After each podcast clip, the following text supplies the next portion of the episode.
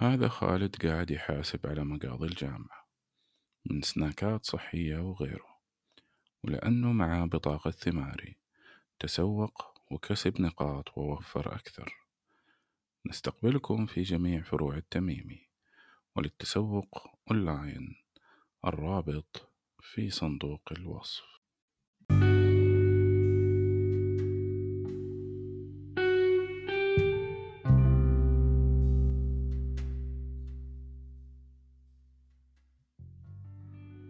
مرحبا.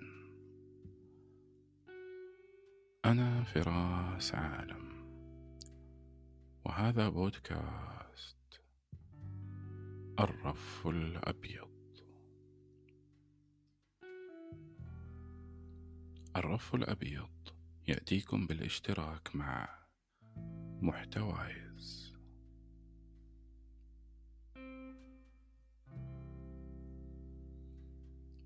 ثمة شيء ما يتعلق بسن الأربعين؟ كأنه نقطة يفقد المرء فيها اتزانه لبعض الوقت. يدرك متأخرا أنه تجاوز مرحلة الصبا والشباب دون أن يشعر. وأن القطار المزدحم بالأمنيات والأحلام قد أبطأ من سرعته وأن محطة الوصول قد اقتربت كثيرا. يدرك أن كلمة المستقبل لم تعد شيكا مفتوحا على بياض في وجه القادم من الأيام وأن ما لم يحققه أكثر بكثير مما حققه وأقل بكثير مما كان يحلم به. ذلك الرقم المميز تحديدا. أصاب الشعراء والأدباء جميعا بالصدمة. كلهم ارتطموا بحائط الأربعين الخشن الذي يعترض درب أحلامهم وجموحهم كلهم خربشوا شيئا من خواطرهم على أحجاره الصلبة. خربشات قلقة وساخطة أحيانا كثيرة. وهادئة ومتأملة أحيانا أقل. لكنهم جميعا يجمعون على الإحساس بالخديعة. بالدهشة والاستلاب وكأن الشباب كان حقا أبديا لهم واستيقظوا فجأة ليجدوه قد فارقهم بلا عودة. فنجد فاروق جويدة يناجي أمه فيقول والعمر يا أماه يرحل في الصفراس ما كان لي فيه الخيار. العشرة الأولى تضيع عشرون عاما بعدها خمس يمزقها الصقيع. أنا لا أصدق أنني أمضي لدرب الأربعين. الطفل يا أماه يسرع نحو درب الأربعين. أتصدقين؟ ما أرخص الأعمار في سوق السنين. وها هو غازي القصيبي يقف كذلك حائرا أمام بوابة الأربعين فيقول وها أنا ذا أمام الأربعين يكاد يؤودني حمل السنين. تمر الذكريات رؤى شريط تلون بالمباهج والشجون. إذا ما غبت في طيف سعيد هفت عيني إلى طيف حزين. أطالع في المودع من شبابي كما نظر الغريق إلى السفين وأرتقب الخبأ من الأماسي بذعر الطفل من غده الخون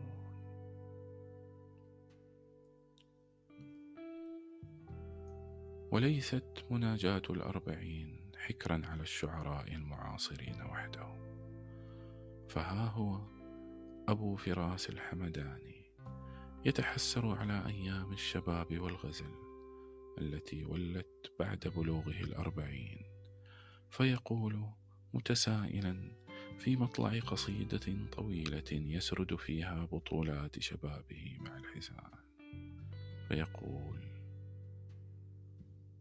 وقوفك في الديار عليك عار. وقد رد الشباب المستعار. أبعد الأربعين محرمات. تماد في الصبابة واغترار. ولكن لحسن الحظ ليست كل الوقفات أمام الأربعين متشائمة بهذا الشكل.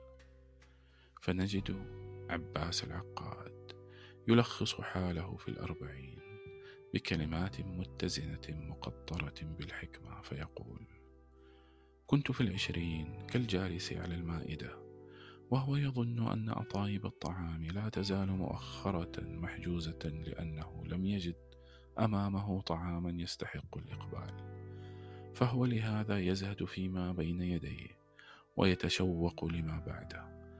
حتى إذا أشفق أن ينهض جائعا تناول مما بين يديه باعتدال فأمن الجوع وأمن فوات المقبل الموعود.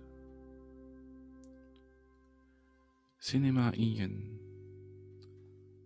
يحضرني الفيلم الدنماركي Another Round أو جولة ثانية والذي يناقش أزمة منتصف العمر من خلال قصة أربعة مدرسين وجدوا أنفسهم فجأة قد بلغوا الأربعين دون أن يحققوا شيئا من أحلامهم.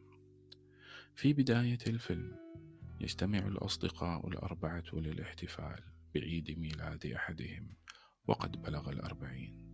وبعد التحيات والمجاملات يبدأون في تأمل أحوالهم وما آلت إليه صحيح أنهم مدرسون محترمون في مدرسة راقية لكنهم لم يحققوا ما كانوا يحلمون به. يخاطب أحدهم صديقه فيقول ما الذي حل بك؟ لقد كنت شعلة نشاط وطموح. كنت تحضر لدراسة الدكتوراه والالتحاق بالسلك الجامعي. كنت كذلك بارعا في الرقص والاستعراض. كيف أمسيت مدرس تاريخ خامل؟ يتذمر منك الطلاب وأولياء أمورهم. يتدخل الآخر فيقول عن نفسي أنا لا أعرف إن كنت سعيدا أو لا. لدي زوجة جميلة وثلاثة أطفال رائعين. لا يحق لي أن أتذمر لكنني أجد نفسي ضائعا وأنام وسط الأطفال وضجيجهم وصغيرهم يتبول علي في كل ليلة. الحياة بالنسبة لي أصبحت جنونية. بالتأكيد لم أتخيل نفسي هكذا في أي يوم من أيام شباب الماضية. يتوقف حديثهم الحزين مع حضور الطعام والشراب وتتحول دفة الحديث إلى شيء من المرح والنكات حتى يلقي أحدهم بطرفة عن عالم شهير وضع نظرية تقول بأن الجسم البشري يحتاج إلى جرعة منخفضة من الكحول بالجسم تبلغ خمسة من عشرة بالمئة بشكل مستمر ليتمكن من الإنتاج والإبداع.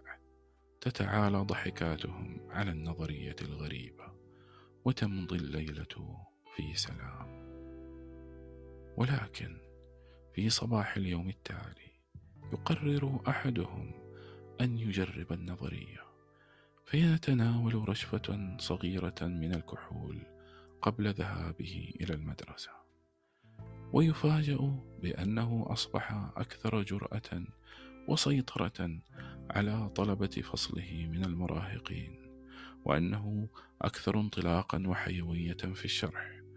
يخبر بقية الشلة عما جرى معه. فيقررون مجاراته وتقليده. يجتمعون في الأسبوع التالي ليتحدثوا عن المعجزات التي اقترفوها وكيف أصبحوا أكثر إبداعا في فصولهم ومع طلبتهم وحتى في حياتهم الأسرية. أصبحوا أكثر حيوية وقدرة على التواصل. وفي لحظة نشوة مجنونة يقررون زيادة الجرعة الصباحية إلى الضعف ومراقبة ما سينتج عن ذلك. بالطبع لا يستمر وهم الأيام الجميلة طويلا فسرعان ما يفلت العيار وتتوالى الكوارث في البيت وفي المدرسة. وإثر ليلة صاخبة يعود اثنان منهم إلى المنزل في حالة مأساوية تنتهي بعراك وخروج للزوجتين من الدار. في حين يتفاقم الأمر مع صديقهم الثالث حتى ينتهي به الحال منتحرا في وسط البحر بعد أن أوقف عن التدريس لأنه حضر إلى المدرسة وهو يتطوح من شدة السكر. في يوم الجنازة يجتمع الأصدقاء الثلاثة وهم يحملون نعش صاحبهم يعلو وجوههم الأسى والانكسار. وبعد مراسم الدفن يجلسون على طاولة في مقهى قريب من المقبرة.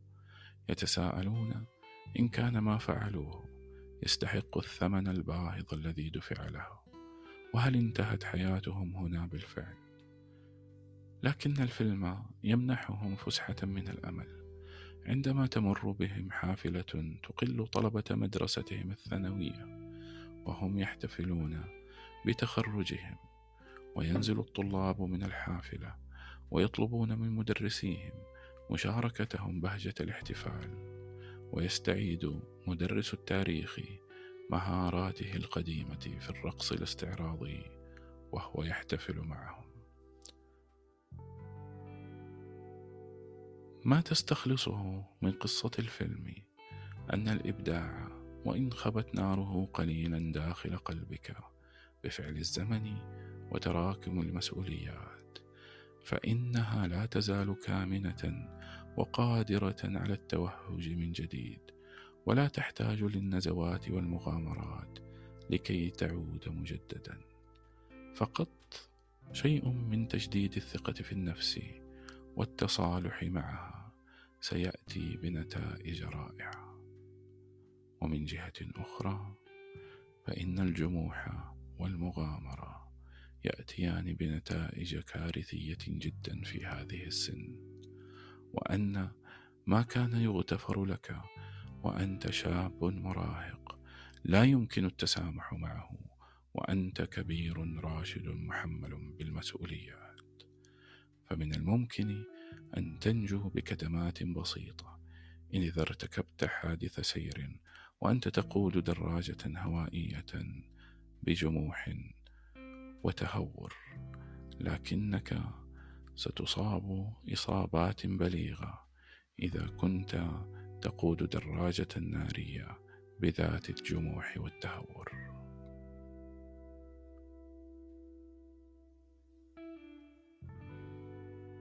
وختاما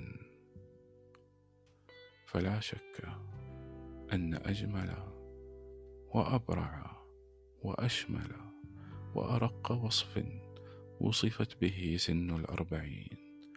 هو ما ذكره العلي القدير في كتابه الكريم حين قال حتى إذا بلغ أشده وبلغ أربعين سنة قال رب أوزعني أن أشكر نعمتك التي أنعمت علي وعلى والدي وأن أعمل صالحا ترضاه وأصلح لي في ذريتي. إني تبت إليك وإنني من المسلمين. فهي سن اكتمال الرشد والقوة وذهاب الطيش وتجديد التوبة واستشعار النعمة. وهي سن تلذذ المرء بالجمع بين بر الوالدين وتربية الذرية وطلب صلاحها. ومن ثم إدراك فضل التواضع في الانتماء لجماعة المسلمين دون تعال أو غرور.